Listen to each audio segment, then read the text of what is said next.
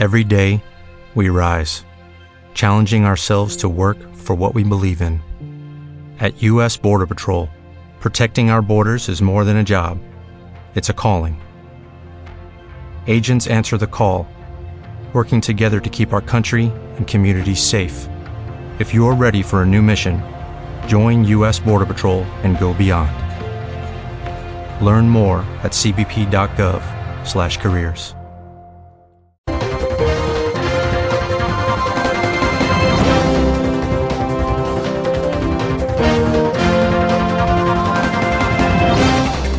Molt bon dia i benvinguts a esta nova edició d'Infosclafi del dijous 15 de juliol de 2020.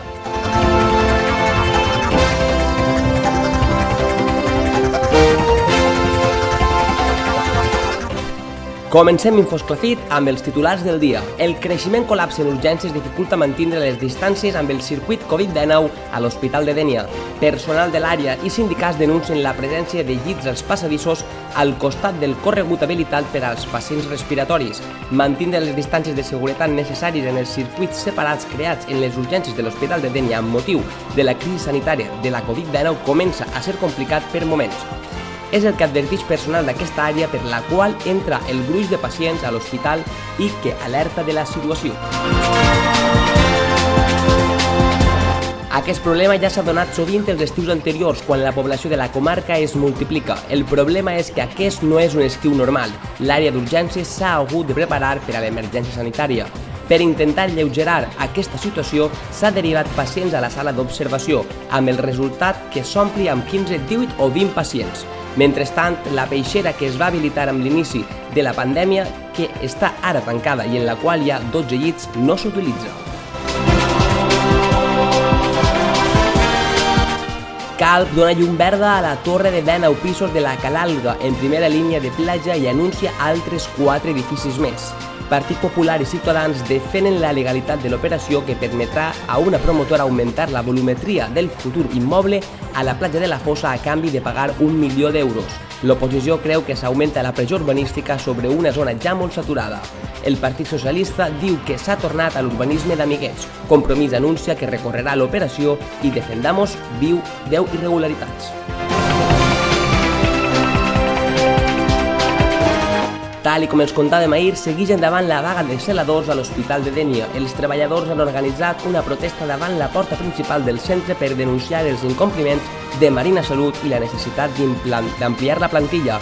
El sindicat convocant Intersindical Salut denuncia els serveis mínims abusius disposats per la concessionària. L'Hospital de Dènia insisteix en la importància de dur correctament la mascareta. Portar posada la mascareta és molt important, però més si cap el portar-la correctament col·locada. Aquest és el missatge que manen des de l'Hospital de Dènia. Portar la mascareta suposa una prevenció al contagi de la Covid-19.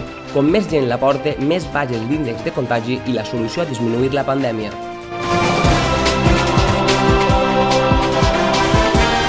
Veïns de Gandia denuncien la presència d'ocupes en un xalet i exigeixen la seva marxa.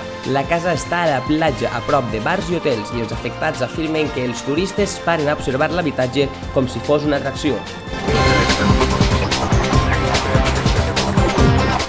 Clausuren el local en què s'amuntegaven persones sense recursos. L'Ajuntament de Gandia ha aconseguit, després d'anys de queixes veïnals, clausurar un local comercial ubicat a l'Avinguda República Argentina on s'amuntegaven immigrants. L'establiment només tenia llicència de comerç, però llogava estances separades per cortines per dormir. Alts càrrecs de la Generalitat Valenciana no deixen de gastar malgrat el Covid. Les dietes i les factures de locomoció de la cúpula d'un terç de conselleria supera el cost de primera meitat de 2019 sense que la pandèmia hagi servit de fre.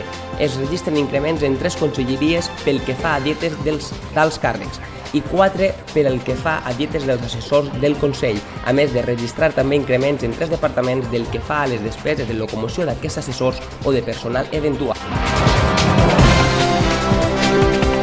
Els recursos de milers de multes i tancaments d'empreses amenacen amb agreujar l'embús judicial. El sector preveu un increment de casos de matèries específiques que sumen als 20.000 judicis endarrerits per l'estat d'alarma.